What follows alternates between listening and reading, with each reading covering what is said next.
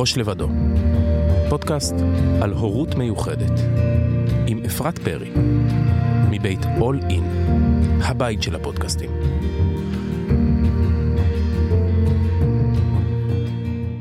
היי עמרי, אמ, אני רוצה להגיד שהפודקאסט הזה בעצם פודקאסט על הורות, אמ, ורוב הפרקים זה פרקים שהורים באים ומספרים ומדברים, ואני שומעת הורים, אה, אבל בין לבין יש גם פרקים של אנשי מקצוע, וזאת הסיבה שהזמנתי אותך, כי אתה מבחינתי איש מקצוע בעולם של מיניות ומוגבלות אה, מספר אחת בעיניי, אז תודה שבאת, וזו הסיבה ש, שאתה פה, ועל זה נדבר. אה, אני כותבת טור על חדשנות בריפוי בעיסוק, ושבוע אירחתי את עמרי שנדבר על מיניות. כמו שנדבר על זה היום תכף. ואני חייבת להגיד שזה הטור שהיה עם הכי הרבה תגובות שקיבלתי, אני חושבת מעל חמישי, לא יודעת כמה, כתבו לי בפרטי על הדבר הזה. אמ, ואם חשבתי שזה נושא שאף אחד לא רוצה לדבר עליו, או אף אחת לא רוצה לדבר עליו מהעולם של המטפלות, אז אמ, פתאום כולם רוצים לדבר על זה. ואם אני חושבת על הורים שלא רוצים לדבר עם הילדים שלהם על מיניות, אז כנראה שאני טועה ביג טיים ולא סתם הזמנתי אותך. אמ, אתה עושה מין שעטנז לכל הנושאים האלה ושם את המיניות מקדימה.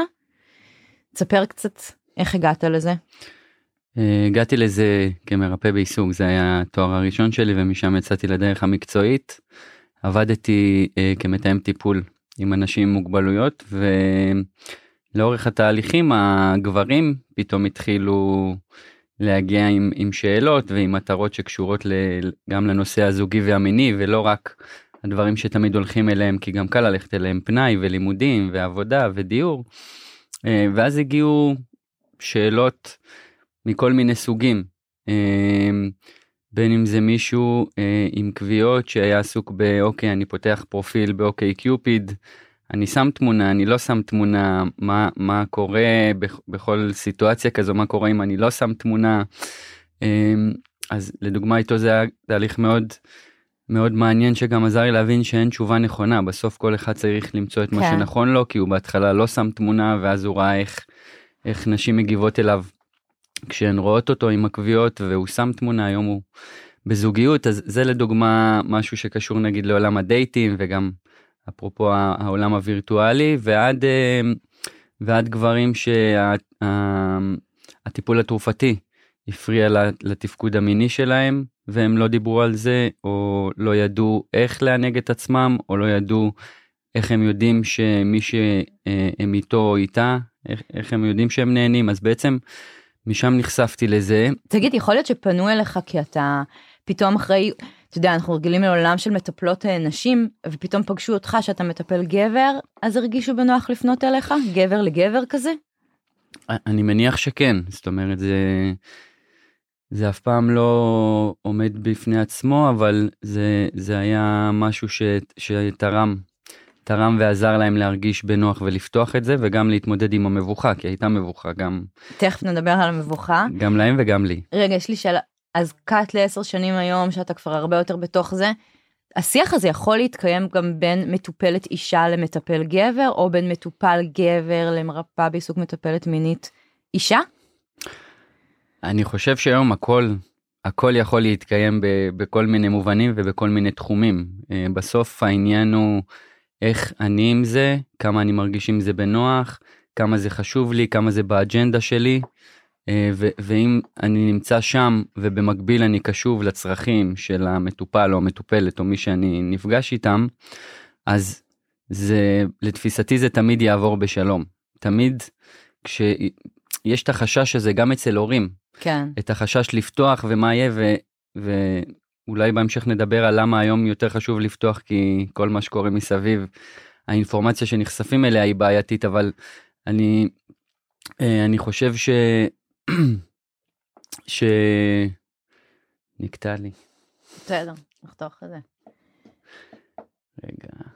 היית... מה את שאלת? אם זה יכול להתקיים בין אה, אישה לגבר, mm, גבר לאישה. אז, אז הרבה פעמים הורים וגם נשות מקצוע, אנשי מקצוע לא יודעים איך לפתוח, נורא חוששים מאיך לפתוח, ואם המטופל יתבייש, יכעס, יובך, אז אני אומר, תפתחו את זה בצורה מותאמת ורגישה באופן כזה שמצד אחד הוא יקבל את המסר שזה לגיטימי, אוקיי. אה, ושזה חשוב ושזה חלק בלתי נפרד מהחיים שלו או שלה, וגם שתהיה להם את הלגיטימיות להגיד, כרגע זה לא מתאים לי, או זה מאוד מביך אותי, אבל חשוב לי שנדבר על זה. אז זה פחות, אני חושב, אם זה גבר או אישה, ברור שזה עושה את זה לפעמים יותר נוח. כן. אבל בסוף זה גם משהו אישיותי ואני יכול לדבר עם גבר שדווקא יהיה לו יותר נוח לדבר עם אישה ועם גבר שיכעס עליי שאני בכלל מעלה את זה אז Mm. אני חושב שהעבודה היא בעיקר שלנו עם עצמנו בלגיטימציה בנוחות אה, בחרדות שמטופל ברגע שנעלה את הנושא של מיניות הוא יטריד אותנו או יהיה לו מותאם ואז אני עושה אומר להם תעשו זום אאוט הרבה פעמים כשאנחנו מדברים על מיניות אנחנו עושים פיצול בין איך שהאדם מתפקד בכל התחומים לאיך שהוא במיניות. ואם הוא לא חוצה גבולות בתחומים אחרים אז הוא כנראה לא יחצה גבול גם כשאני אדבר איתו על מיניות. אוקיי, אתה מדבר מנקודת מבטו של המטפל, כאילו, ואתה אומר פה למטפלים, תרגישו בנוח לדבר עם המטופלים שלכם, כי אם הוא לא חצה את הגבול עד עכשיו, אז אין סיבה שכשאני אדבר איתו על סקס, על מיניות, אז הוא פתאום יתחיל איתכם, כזה? כן וגם הורים הורים אוקיי. פוחדים שיכניסו רעיונות ודברים כאלה ואתם מכירים את הילד או את הילדה שלכם אם הם אה, רגישים קשובים לסביבה קשובים לאחר ולאחרת זה כנראה יקרה גם פה. אז בואו נתמקד בהורים. הא- אנחנו באופן כללי מפחדים לדבר עם הילדים שלנו על הנושא של מיניות. מפחדים, נבוכים, חוששים. אח- אחת מהסיבות, זה בדיוק מה שאמרת. מה, אני אדבר עם הילדה שלי בגיל תשע על הדברים האלה? אני לא אכניס לה רעיונות לראש? היא עוד לא שם. שומעים את זה מלא. כן. אמ, אנחנו יצורים מיניים מהרג... עוד ברחם. יש אולטרסאונד שרואים שם עוררות, אה, עוררות מינית של עובר, אבל מעבר לזה שאנחנו יצורים מיניים מהרחם ואנחנו נולדים מיניים, אז המיניות היא שם, בין אם זו מיניות ילדית, אם תרצי נעשה עוד מעט ההבחנה, אבל בין אם זו מיניות ילדית ובין אם זו מיניות בוגרת. אז בואו רגע נעשה את ההפרדה. אמ, אז מיניות ילדית יש בה אה, עינוג עצמי שהוא מבוסס על הפרופיל הסנסורי זאת אומרת שאפשר לראות ילדים וילדות נוגעים באיברי המין שלהם ואם הם יעשו את זה גם מספיק זמן הם יכולים לחוות אורגזמה גם בנים וגם בנות. זה, רגע, בוא נגיד בקול רם, זה לא מה שאנחנו משליכים וחושבים שזה האורגזמה של המבוגרים. בדיוק זו המיניות הילדית שהיא מבוססת על, על התחושה. אני כמו שנעים לי כילד לחטט באף ולגרד באוזן נעים לי לגעת ב, אה, ב, בפין שלי. וכשהם מגלים את זה אצל בנים זה קורה הרבה יותר בטבעיות כי כשהם הולכים זה לשירותים out there. בדיוק אצל בנות זה לפעמים לוקח יותר זמן. אוקיי, אבל- וזה נטו משהו תחושתי, סנסורי של הילדים עם הגוף שלהם, אבל אנחנו נבהלים מזה. אנחנו נבהל- נבהלים מזה אה, לפני שהעניין של הנבהלים אנחנו כן נשים לזה את הגבולות הנכונים שזה אולי גם קשור למיניות הבוגרת ולזה שזה תהליך מתמשך. ילד שנוגע בעצמו או ילד שהוא ערום אני כן אדבר איתו על מרחב פרטי ומרחב ציבורי ואיזה התנהגויות עושים איפה ושהוא לא נוגע לעצמו באיבר המין או אי כשהם אה, במרחב שהוא ציבורי כמו סלון או גן או כיתה. אוקיי. אמ, אבל אה, מעבר לזה, למה אנחנו נבהלים מזה? אם אנחנו, כאילו, אתה אומר, לא, זה תחושתי, זה כמו לגרד אה, באוזן, לחטט באף. בכל זאת ההורים נבהלים מזה שהילד נוגע בבולבול שלו. כן, אה, אה, אנחנו נבהלים כי כשאני עכשיו מחליף טיטול לבן שלי, אה, והוא בן שנה וקצת, ויש לו זקפה, אני ישר חושב על הזקפה של, של האנשים בוגרים, שלי כאדם בוגר, ומה זה אומר, כי זקפה של כן. אדם בוגר, יש שם משיכה לסובייקט חיצוני, למישהו אחר או למישהי אחרת, יש שם רצון בפורקן, יש שם מיניות שהיא מאוד מורכבת, ואז אנחנו אומרים, רגע, אבל הוא רק בן, שנה, וחודשיים, זה?" איך הוא כבר, נמ- גם, גם זה מבהיל שזה קורה מולי, מה, הוא נמשך, הוא נמשך אליי, אה, אני מגרה אותו, אני מגרה אותו באיך שאני נוגע בו, ואנחנו משליכים עליהם את המיניות שלנו, כשהמיניות היא, כמו שאמרתי, היא מאוד פשוטה אצל ילדים. אה, היא פרופיל סנסורי, הנאה, אז למה בכלל קוראים לזה מיניות? למה קוראים לזה מיניות ילדית? זה פשוט, לא יודעת, כמו לגר, גם לגרד באף, לא, אנחנו לא קוראים לזה מיניות. כי- למה בכל זאת קוראים לזה מיניות? כי הם כחלק מעבר לעינוג העצמי וליכולת לחוות אה, עונג, יש שם עוד דברים שהם כבר חוקרים, תפקידים מגדריים, מה זה בן, מה זה בת, מה אוקיי. ההבדל בין זכר לנקבה, זאת אומרת הם, הם חוקרים את המיניות, הם לא מתחילים לחקור את המיניות כשהם מגיעים לגיל ההתבגרות.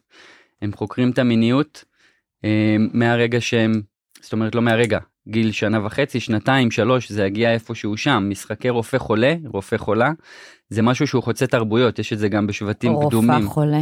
רופאה חולה, רופאה חולה, נכון, רופאה חולה. אה, יש את זה בשבטים קדומים, אין את זה רק בישראל, יש כן? את זה באירופה, יש את זה בארצות הברית, זו הדרך של, שלנו האבולוציונית לחקור גם מגע מבחינת לתת מגע, להעניק מגע, איך זה מרגיש וגם לקבל מגע. ושם, גם שם אני אכניס את הכללים, זאת אומרת, אוקיי, כשמשחקים אז, רופאה אה, חולה, אז זה יהיה בלבו... זה לא יהיה בלי תחתונים, או זה יהיה ללא מגע באיברים האינטימיים. מעניין, אוקיי, אז כן, אז זה כן, הבנתי למה זה בכל זאת מיניות ילדית. בוא נדבר רגע על, אה, על מבוכה. למה אנחנו נבוכים לדבר על מיניות עם הילדים שלנו?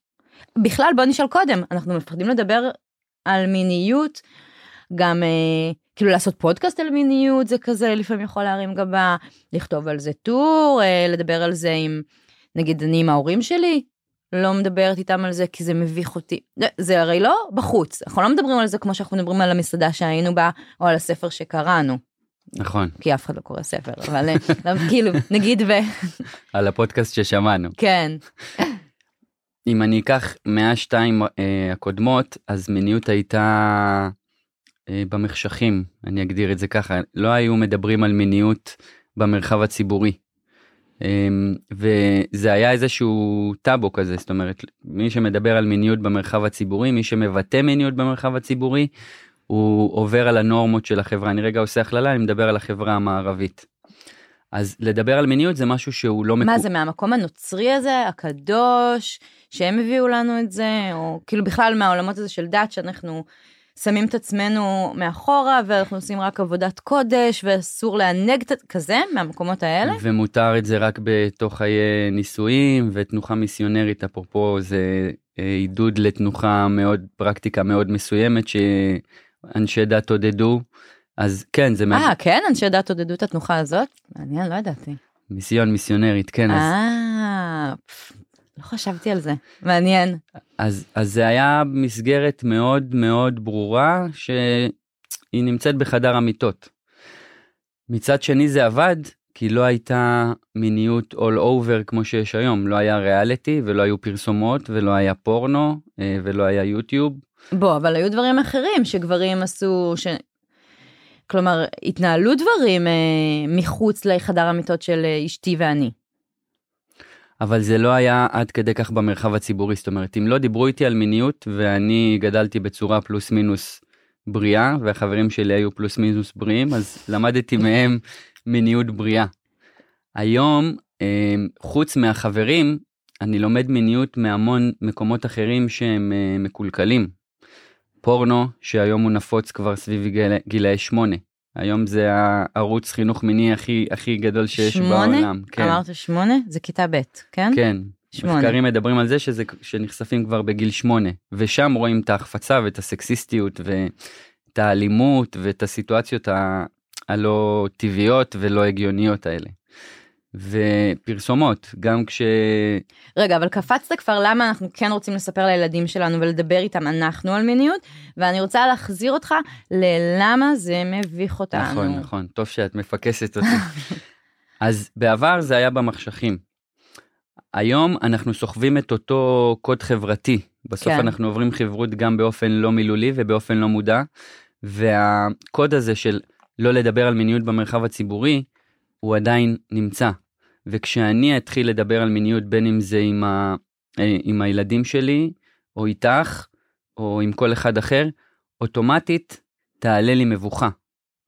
כי. כי בחברות אני עדיין, זאת אומרת החברות היא עדיין במאה שתיים אחורה, שלא מדברים על שאנחנו לא מיניות. מצליחים להתנתק מזה. זה כבר, זה עדיין לא טבעי, לגיטימי ולא מביך. נכון, זה- ואמרת לי פעם משהו מאוד יפה על אה, מבוכה, שבעצם כמו פחד, שהוא אינסטינקט נכון, שאנחנו, הוא שומר עלינו ומגן עלינו מהאריה שתוקף אותנו, ואנחנו מתמלאים פחד כי יש פה באמת סכנה, אז אותו דבר מבוכה, אנחנו עומדים לעשות משהו שהוא לא נכון חברתית, ואז אנחנו נבוכים, וה, והמבוכה הזאת עוצרת אותנו, שחס וחלילה לא נעשה משהו שהוא לא נכון. אמ, אם אני היום אזרוק זבל ברחוב, אני אחוש מבוכה.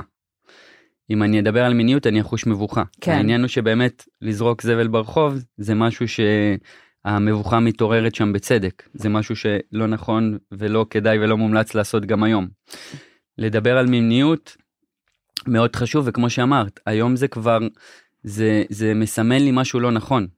כי אם אני לא אדבר על מיניות, אוקיי, נגיד אני מקשיב למבוכה שלי, אז, אני, אז לא נכון לדבר על מיניות, אבל אז אני אשב בסלון עם הבן שלי, ותהיה פרסומת, או יהיה סרט, או תהיה סדרה, וקרוב לוודאי שיהיו שם אה, סממנים מיניים, או סיטואציות אינטימיות. ברור. או מיניות כזו או אחרת. זאת אומרת, זה נמצא בכל מקום כל הזמן, ולכן היום המבוכה אה, היא כבר לא שומרת עליי. כי זה anyway שם, זה, זה בדיוק הפרדוקס, אני נורא מפחד כאילו לדבר. שומרת ממה? כן, אני נורא מפחד לדבר, אבל אני, אני פוגש את זה, והבן שלי, אנחנו, הבת שלי, אנחנו פוגשים את זה כל הזמן. ו, ופה צריך, בגלל זה אני אומר, ואולי זה כבר עובר לש, לשאלה הבאה שלך, שהשיח צריך, אה, צריך לקחת בחשבון שהוא יהיה עם מבוכה. אני לא מחכה שהמבוכה תחלוף ואז אני מתחיל לדבר על מיניות. אני לא מחכה שאני ארגיש יותר בנוח או שאני אקשיב למספיק פודקאסטים או אקרא מספיק ספרים ואז אני אתחיל לדבר על מיניות. לדבר למרות שאני נבוך בטירוף מהדבר הזה, לדבר ולהגיד, תשמעי גם אותי זה מביך השיחה הזאתי ובכל זאת נדבר על זה. כן, להנכיח את המבוכה בשיחות uh, באופן כללי ובפרט בין הורים ל- לילדים ולילדות זה מאוד עוזר. אם רואים שהילד נבוך אפשר להגיד לו אני רואה שאתה נבוך וגם אני נבוך אבל זה בסדר זו תגובה טבעית וחשוב שנדבר על מיניות. אז כן להנכיח אותה זה משהו שמאוד מוריד את, ה, את הלחץ סביב התחושה הזאת. צריך להתרגל לזה שזה, שזה חלק. כן. זה שיעור, זה תהליך מאוד ארוך לנו כהורים לדבר על הדבר הזה, כאילו לא התכוננו לזה. אנחנו מתחילים את ההורות שלנו עם ילדים מאוד מאוד רכים שמאוד uh, תמימים ופתאום זה קורה פתאום ביום אחד. הם נהיים גדולים והם מתעניינים בדברים האלה וחשופים לדברים האלה. אמ, וכבן אדם שאיש מקצוע שאתה עושה את כל החיבורים גם עם ילדים עם אה, מוגבלות, אני רוצה לשאול, אתה מרגיש שלהורים לילדים עם מוגבלות יותר קשה לדבר על מיניות עם הילדים שלהם? אני חושב שלילדים ולילדות עם מוגבלות יש פחות, ונערים ונערות בטח ובטח פחות לגיטימציה להתייחס למיניות שלהם, זה לא, זה לא נמצא בשיח. למה אנחנו לא נותנים להם לגיטימציה להתעסק במיניות? מה קורה בחברה עם הדבר הזה? לנו קשה לקבל את זה שגם אה, נערים ונערות ואנשים עם מוגבלויות הם מיניים כמונו. זאת אומרת, יש להם, יש את המושג צרכים מיוחדים, ואני כן. כל הזמן אומר שיש להם את אותם צרכים, התיווך צריך להיות מותאם למה שהם זקוקים לו. אבל משום מה אנחנו תופסים אותם ככאלה של, ו- ואני חושב שזה גם הפחד שלנו לעסוק בזה, אבל אנחנו משליכים עליהם את זה שלא, זה לא מעניין אותם והם לא חושבים על זה והם לא עסוקים בזה, ובעצם זה זז הצידה ולפעמים זה גם מתוך הטיפול בהם. כי מקלחים אותם לפעמים עד גיל מאוחר, אה, ואז אין לגיטימציה לפרטיות. נכון. אני לא, לא דופק על הדלת לפני שאני פותח, אני לפעמים עוזר להם להתלבש גם כשיש דברים שהם כבר יכולים לעשות, כשהם באמבטיה נכנסים ויוצאים. עכשיו יש כאלה שבאמת צריכים עזרה, נגיד במקלחת גם בגיל ההתבגרות. זה לא שאני אומר ל, ל, נגיד לאימא שמקלחת את הבן שלה או לאבא שמקלח את הבת שלו, אל תעשו את זה. אבל שנחזיק בראש את זה שהם מיניים. שנגיד לסבן את איבר המין. מה זה נחזיק בראש שהם מיניים? כי מה? כי אתה אומר שאנחנו, יש לנו נטייה למחיקת המיניות? אתה קורא לזה? יש לנו נטייה למחוק את המיניות מגיל ה... זאת אומרת מי שהם קטנים וזה ממשיך הלאה לגילאי העשרה ולפעמים זה גם חוצה שם עובר כבר לגיל לגילאי ה-20 פלוס.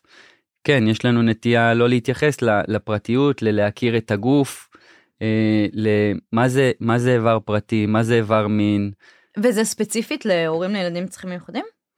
הקושי לדבר על מיניות כן. הוא אפשר להגדיר את זה הוא גלובלי. אוניברסלי הוא, הוא, הוא קולוסלי. אוקיי. זו בעיה קולוסלית. אה, אני חושב אבל שהרבה פעמים הרי גם החינוך תלוי מערכות חינוך ש, שהילדים והילדות נמצאים בהם. ובגנים ובבתי הספר זה כרגע הרבה פחות נפוץ, זה לא מוחזק שם הנושא הזה של, של המיניות. נכון. מה אני עושה כשהילד נוגע באיבר המין שלו אה, באמצע בגן. הגן. כן, אני מתייחס, אני מתעלם, אני מסביר לו איפה לא ואיפה כן. אבל אני חושבת שאם אנחנו מדברים על ילדים עם מגבלה, אז יש לנו איזו נטייה כזאת של מה שאתה קורא לו מחיקת המיניות, כי אנחנו אומרים, סתם, נגיד אני אקח דוגמה, ילד עם מוגבלות אה, קוגנטיבית, אוקיי? עם אה, מוגבלות שכלית התפתחותית. יש איזו תפיסה כזאת שהוא לא מבין את העולם כמו, רגע אני אומרת קיצוני, אוקיי? כן, כן. שהוא לא מבין את העולם כמו שמבוגר אה, או נער אחר בגילו מבין את העולם, הוא לא יצליח להחזיק קשר זוגי מיני, גם ככה זוגיות וסקס ואיזה דברים מורכבים לבני נוער, אז עוד נוסיף לזה עכשיו אה, ילד עם מוגבלות שכלית, בואו נמחק את המיניות שלו, זה לא ניתן לזה לגיטימציה, ו... ולא נדבר על זה. ואז יהיה יותר קל. העניין הוא שכמו שלא משנה איזה סוג מוגבלות ואם אני ורבלי או לא ורבלי, אני עדיין ארצה אה, לאכול, לשתות, לישון, ובאופן כללי שיהיה לי טוב בחיים, אז הדחף המיני הוא לא מבחין. זאת אומרת, זה לא שמישהו עם אה, אוטיזם יש לו פחות דחף מיני, או מישהי עם CP יש לה פחות דחף מיני. הדחף המיני הוא נמצא שם אצל כל אדם ואישה, לא משנה מה. ואז אני בעצם מוחק משהו שאי אפשר למחוק אותו, כי הוא נמצא שם, ובאיזשהו שלב, בטח בגיל ההתבגרות, הוא יתחיל כבר לבעוט. אה, הם ירגישו את הדחף, הם לא תמיד יבינו מה קורה להם, כי לא דיברו איתם על זה, אבל גם, גם בגיל הרך, אז היא עם CP, אבל היא עדיין תיגע בעצמה וזה יהיה לה נעים. כן. אז אני מתעלם מזה, אני מתייחס לזה. כאילו אה, יותר קל להורים אה, להתעלם מזה, ולא לתת לזה מקום. אגב, בעיה קולוסלית, כאילו זה כמו, אנחנו שומעים אבות שאומרים, "אה, הילדה שלי עד גיל 20, היא לא מסתכלת על גברים, שלא תיצור כזה. אז אה, אנחנו בכלל לא יכולים לתפוס את הילדים שלנו כיצור מיני. ובטח אם אנחנו מרגישים שיש לו, נגיד, כמו הדוגמה של קודם, מגבלה אה, שכלית התפתחותית, ו... ואז איך בכלל להכיל את כל הדבר הזה? אז אנחנו אשמים במחיקת המיניות של הילדים שלנו? לא הייתי אומר ש... שאשמים, אבל יש לנו, אני חושב שלכל המבוגרים האחראים, יש אחריות לדבר הזה. זה ההורים, וזה הצוותים בין אם הטיפוליים ובין, החינוך... ובין אם החינוכיים. וזה אה, להתמודד גם עם החששות שלנו. כמו שדיברנו על החשש להעלות את זה מול, אה, של איש או אשת מקצוע, להעלות את זה מול מטופל או מטופלת, אז כן. גם החשש להעלות את זה מול הילדים, ו- ואיך הם יגיבו, ואיך אני מסביר להם, ואיך אני מבין שהם הבינו. ופה יש אפשרות לעשות את מה שאנחנו עושים בתחומים אחרים. מישהו לא ורבלי או מישהי לא ורבלית שעובדים איתה עם לוחות תקשורת או עם סיפורים חברתיים, מעולה, תעשו אותו דבר בתחום של המיניות. עכשיו, זה לא שאני אה, חושב שצריך לדחוף את כולם לממש את המיניות שלהם, או להיות בזוגיות, או אני לא יודע מה. אוקיי. אבל צריכה להיות את האופציה והלגיטימציה. זאת אומרת, זה צריך לשבת לנו במודעות, שיכול להיות שזה חלק מהדברים שהם רוצים וחשובים להם. ו... ואז המקום שלנו כהורים, בהקשר של מה שאתה אומר, הוא מה, הוא לדבר את זה, לספר את זה, לתת לזה פשוט מקום ולתת להם להתפתח לבד עם זה? אני אתחיל מזה שהמיניות, כמו שאמרתי, היא תהליך והיא באה לידי ביטוי בהמון דברים אחרים. כמו אה, משחק, במשחק אני לומד אמפתיה, אני לומד יכולת נכון. לווסת את עצמי, יכולת להשהות, אה, יכולת לראות את האחר, תקשורת, הדדיות, אז צריך להחזיק את זה שהבסיס למיניות בריאה וטובה הוא נמצא שם anyway בדברים אחרים שהם עושים, אז, אז ככה בין אם אני ארצה ובין אם לא, אני כביכול מתעסק גם במיניות העתידית שלהם. אוקיי. אבל מעבר לזה, זה גם שיהיו כללים אה, ברורים בבית ושיהיה אפשר לדבר על זה. שילד נוגע בעצמו אפשר להגיד לו אני רואה שמאוד נעים לך וזה טוב שנעים לך אבל אתה צריך להפסיק וללכת לחדר כי אתה יכול לעשות את זה רק בחדר. זאת אומרת, זה לא שיחה חד פעמית, זה לא כזה בואו נדבר עכשיו עם הילדים. כמו זה שאני... חשוב מה שאתה אומר, כי כאילו, כשאנחנו מדמיינים את השיחה הזאת על uh, מיניות עם הילד שלנו, זה קצת כמו שדוקטור ניצן אלמוג אמרה שאנחנו מדמיינים את השיחה של איך לספר לילד, זה תמיד כזה. אמא, אבא, הילד לבד, פינינו את כל הבית מהאחים אחרים, יושבים בסלון uh, ומדברים על, uh, שומע, יש דבר כזה, מיניות. בדיוק, זה ongoing, זה ongoing, זה קורה כל הזמן, גם הילדים והילדות לפעמים יהיו להם התנהגויות מיניות לא מותאמות. זאת אומרת, הורים נבהלים, העניין הוא לא שלא יהיו, זה כמו שילד מרביץ או ילדה מרביצה, הם לא עכשיו יגדלו להיות פסיכופטים או אנשים אלימים, הם מרביצים ואז שמים להם גבול. יואו, איך אנחנו משליכים את הדברים האלה על הילדים שלנו, כאילו אנחנו, אמ, כשילדים מאוד מאוד קטנים ואז כזה playdate ובאים אה, לשחק עם, ה... עם החבר, ואז הבן שלי נגיד או הבת שלי פתאום כזה רוצים לשחק לבד וישר אנחנו עושים השלכה לא גדל לי פה ילד סוציופט ומה יהיה? למה הוא לא משתף אותו עכשיו במכוניות וביחידת החינוך כאילו הרגע הזה שהילד שלי רוצה לשחק לבד בום כאילו נבהלים מזה שאנחנו מגדלים פה ילד אה, סוציופט שלא יודעת מה הולך להיות איתו. אז אותו דבר ילד שעכשיו מרביץ במשחק זה לא אומר וואי הולך להיות פה ילד אלים או ילד שנוגע בעצמו עכשיו בגיל שלוש לא אומר שהוא יהיה סוטה איזה מילה. אפרופו המיניות ילדית ומיניות בוגרת ילד או ילדה שלא עברו פגיעה מינית או לא נחשפו לפורנו בצורה אינטנסיבית לא יכולה להיות שם מיניות בוגרת. ל, לילדים אין את היכולת הרגשית והקוגנטיבית והפיזיולוגית לחוש משיכה אה, לאיש או אישה אחרים. אלא אם כן קורים כל מיני דברים כאלה שיכולים לעשות פלונטרים. אה, מגע אינטימי בין אחים, מין גילוי עריות כזה, אבל זה חלק מהכללים okay. אוקיי. ששמים בבית. זה אגב אה, איזשהו דגל אדום, שאם אנחנו כן רואים שיש ילדים צעירים עם התנהגות מינית לא מותאמת, שמזכירה מאוד התנהגות מינית בוגרת, אז אתה אומר, אוקיי, הורים תתעוררו, יש פה דגל אדום של כנראה פגיעה מינית, או חשיפה אינטנסיבית לתכנים לא הולמים. נכון, אבל גם לא... אימא'לה. אבל אפשר גם לקחת את זה, לראות שגם לא נבהלים מזה שהילד פשוט אוהב אה, להתחכך על המיטה, אוהב לגעת. לא, אני לא מדברת על המקרים האלה ש... כן, כשאת מזהה התנהגות שהיא לא תואמת גיל, זה נכון לכל דבר, בגלל זה אני אומר, אנחנו עושים פיצול בין המיניות לשאר התחומים, אבל כמו שאנחנו מתנהלים עם מיניות, נתנה, אה, עם שאר התחומים נתנהל גם עם מיניות. אז כן, זה לא, זה לא אומר שאם עכשיו הוא אוהב לגעת בעצמו ארבע פעמים ביום, לפעמים הורים מוטרדים מה, מהתדירות. זה שהוא נוגע בעצמו ארבע פעמים ביום זה לא אומר שהוא יהיה סוטה. אה, זה לא אומר שום דבר. מה שחשוב זה לראות את, את התמונה הכוללת, האם שאר התפקודים שלו נפגעים, האם הוא יודע להשהות את זה, אה, איך התפקוד הכללי שלו, ולא רק הזרקור הספציפי על המיניות. יש לי איזו שאלה שרציתי לשאול אותך ממש בהתחלה ושכחתי. אז uh, אני אשאל אותך עכשיו, מקסימום נערוך את זה ו... ונתחיל עם זה. אז יש לי איזו שאלה שרציתי לשאול אותך. um, איך אתה מרגיש שאנשים אחרים חושבים, לא אנחנו, ולא מה אנשים אחרים חושבים על מיניות של אנשים עם מוגבלות? איך זה נתפס?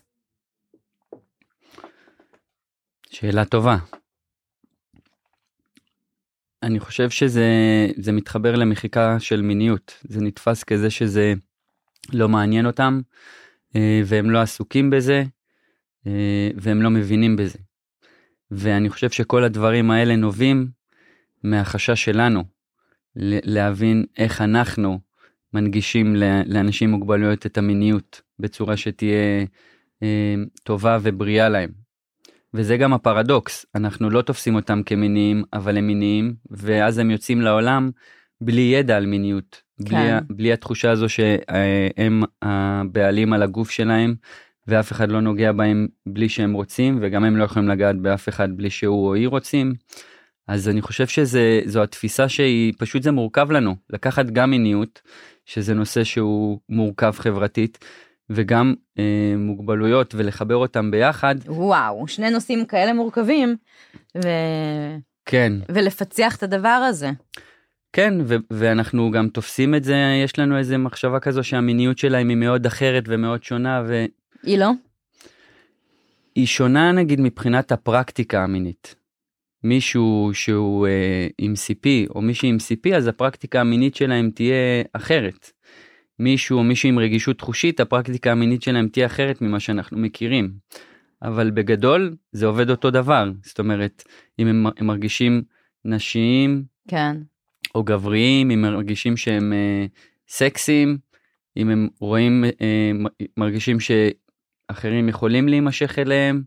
זה, זה נמצא במקומות הרגילים האלה נטייה מינית אין שם יותר מדי חידושים החידוש הוא באמת בהנגשה. כי נגיד מישהו לא ורבלי אני עכשיו צריך לעבוד איתו גם על מה זה מגע מותאם על זה שאי אפשר לחבק אה, מורה אוקיי. וגם ללמד אותו עונג או ללמד אותו כשהוא נוגע בעצמו איפה הוא עושה את זה. אז זה פחות המיניות היא לא כזו שונה זה אותם כללים לכולם. אהה. פשוט ההנגשה. נכון. ו- וזה כמובן הכל מסתבך כי, כי בדיוק מה שאמרת יש פה שני נושאים שמאוד קשה לנו לדבר עליהם. גם מוגבלות זה נושא כזה שאנחנו כל הזמן מנסים לכבס מילים וללכת סביבו וגם מיניות זה נושא שאנחנו כל הזמן מכבסים מילים והולכים סביבו למרות שהפרדוקס שזה בכל מקום. ואז אתה מחבר שני נושאים שאנחנו כאילו מין מנסים לברוח מהם זה פיצוץ אחד גדול. אה, תגיד אנשים עם אה, מוגבלות מחפשים זוגיות עם אנשים עם מוגבלות או, או ההפך? מה אומרת הספרות? אה, שאין חוקים. וזה מעסיק הרבה הורים כן? אם הבן או הבת שלי ירצו פרטנר או פרטנרית ללא מוגבלות מה עושים מה אומרים אז הוא צריך להגיד בדייט שהוא אוטיסט, הוא צריך אה, להראות את ה... כמו ההוא מהטינדר שסיפרת בהתחלה, צריך להראות את התמונה שלו עם הצלקות. זה מעלה הרבה שאלות אז אני אתן שאלה מעצבנת להורים ואני אגיד שבאמת אין חוקים וכל אחד ואחת והדרך שלהם ואני אתן רגע כמה כיווני חשיבה. אוקיי. כשמישהו או מישהי רוצים לצאת עם מישהו ללא מוגבלויות, ללא מוגבלות, אני עסוק בלמה. האם זה כי אני תופס את עצמי כמקולקל, אה, או כלא תקין, ואני מחפש, אני רוצה לחפש מישהי או מישהו שהם כן, ואז העבודה צריכה להיות בכלל, או בנוסף, על התפיסה העצמית והדימוי העצמי, שאני לא ארגיש שאני מקולקל. אז זה קודם כל להבין למה זה. יש כאלה שירצו עם מגבלה כי יותר קל להבין אחד את השני. כן. אז זה קודם כל... כאילו ברמה הרגשית מנטלית וגם אם זה מגבלה פיזית אז גם המגבלה הפיזית. כן, אז יכולות להיות שם כל מיני סיבות, חשוב להבין מה הסיבה וכמה זה יושב על דימוי עצמי אוקיי. ועל ואז, סטיגמה עצמית. ואז אני גם אדבר את זה בתהליך. אוקיי. ואז אתה אומר אוקיי זה, הם באו לדבר על זוגיות ואז אני מעלה את השאלה הזאת ואני אומר בכלל בוא נתחיל קודם בלפתור את הסיפור הזה של הדימוי העצמי השלילי והסטיגמה העצמית שיש לך כלפי עצמך וכלפי המגבלה. כן, ומשם אני ממשיך אותה איתם לשלב של אוקיי, אתם רוצים להכיר מישהי או מישהו ללא אה, מגבלה? בסדר גמור, עכשיו בואו נדבר על מתי אתם רוצים לספר. ואין חוקים, יש כאלה שיספרו בדייט ראשון וזה יקרוס, יש כאלה שישמרו את זה חודש בבטן וזה יקרוס, ולהפך. אז גם המתי לספר, אני אומר להם בעיקר בואו בואו נחשוב מה נכון לכם ובואו נראה מה קורה. אה, והם יכולים כשהם יוצאים ממישהו מישהי ללא מגבלה אז הם יכולים גם לחוות דחייה 1 2 3. ואני לא במקום לפעמים אומר- הורים אומרים טוב אולי תגיד לו בוא נעשה לו חיים יותר קלים. או בוא נעשה תגיד לך לו חיים יותר מראש. קלים. או תגיד להם יאללה תעברו ל... ואני אני נמצא איתם שם בכאב עם, ה... עם האנשים שאני פוגש אוקיי חווית דחייה שלישית מה עכשיו אתה רוצה אני לא אגיד לו כי יכול להיות שבפעם פסיכותרפיסט החמישית. אתה אוהב להיות עם המטופלים בכאב.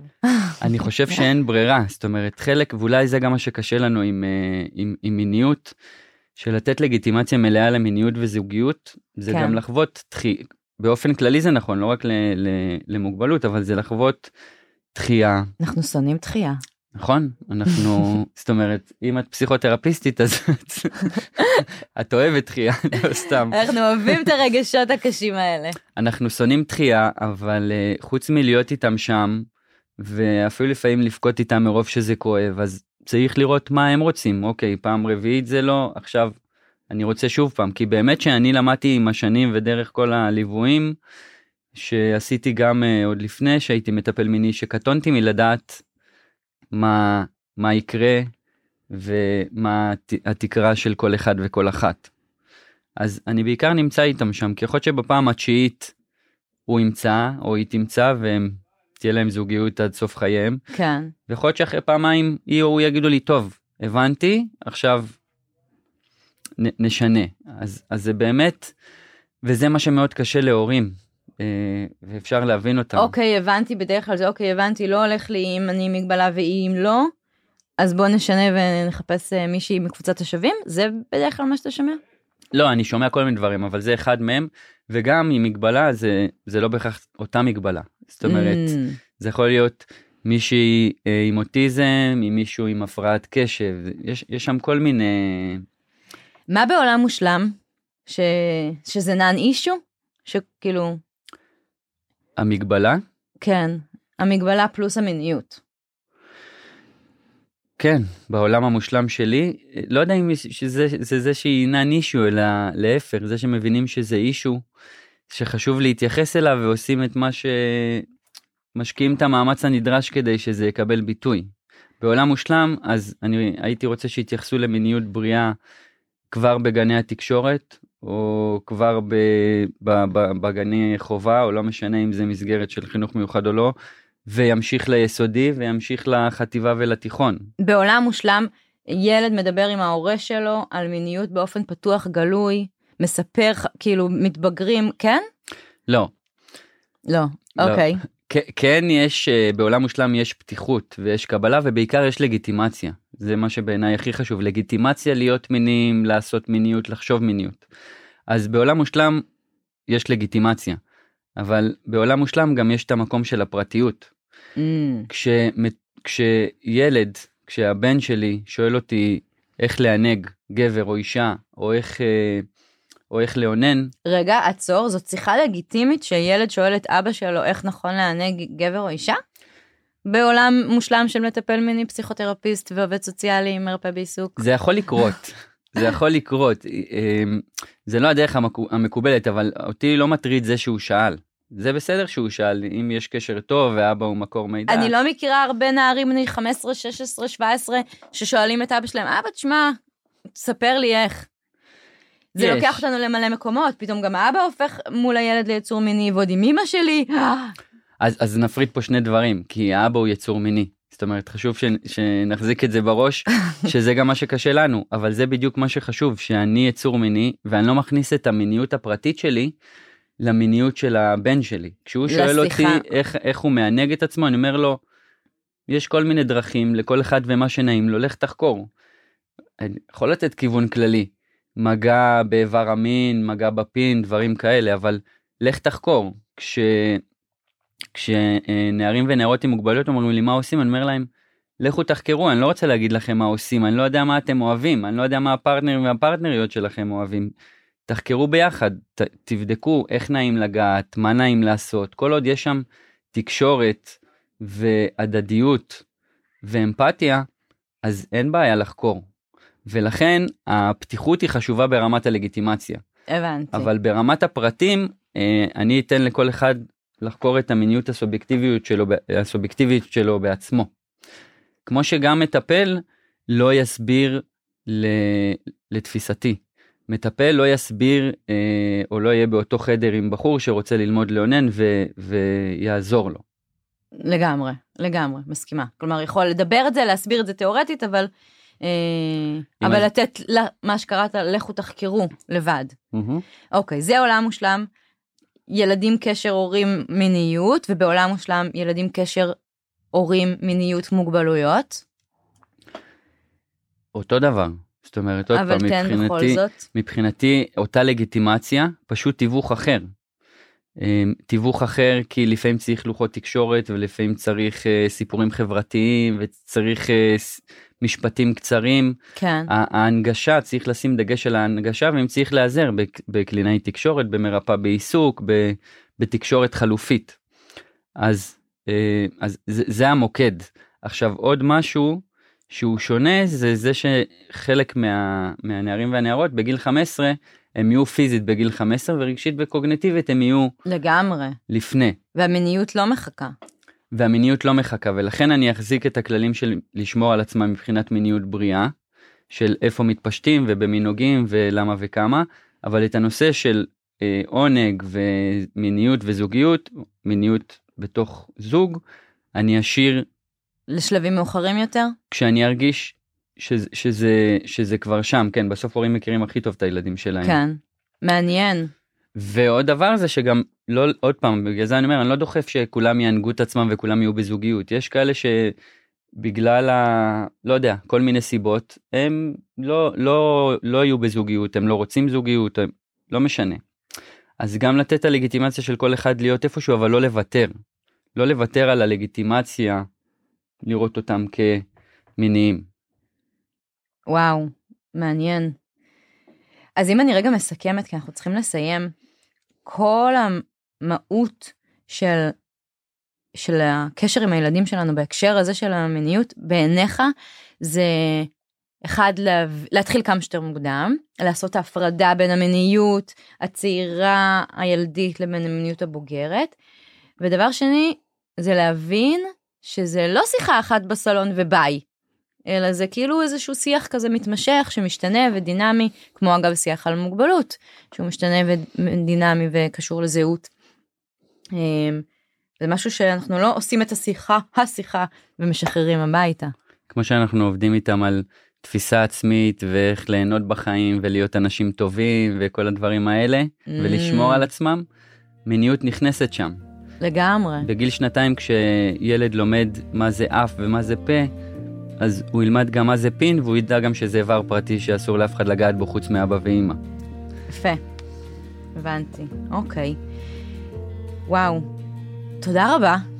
תודה לך. אני חושבת שזה נושא כזה חשוב ואנחנו צריכים, אה, אתה אומר את זה, לא לתת למבוכה לנהל אותנו. אה, אז אני מאחלת לנו להתקדם בנושא הזה. אה, ולא לתת למבחן לנהל אותנו, בטח לא בהקשר ההורי שלנו מול הילדים שלנו. כי בסוף אנחנו רק גורמים להם יותר נזק מתועלת. עמרי, תודה. היה לי תודה כיף. תודה על ההזמנה.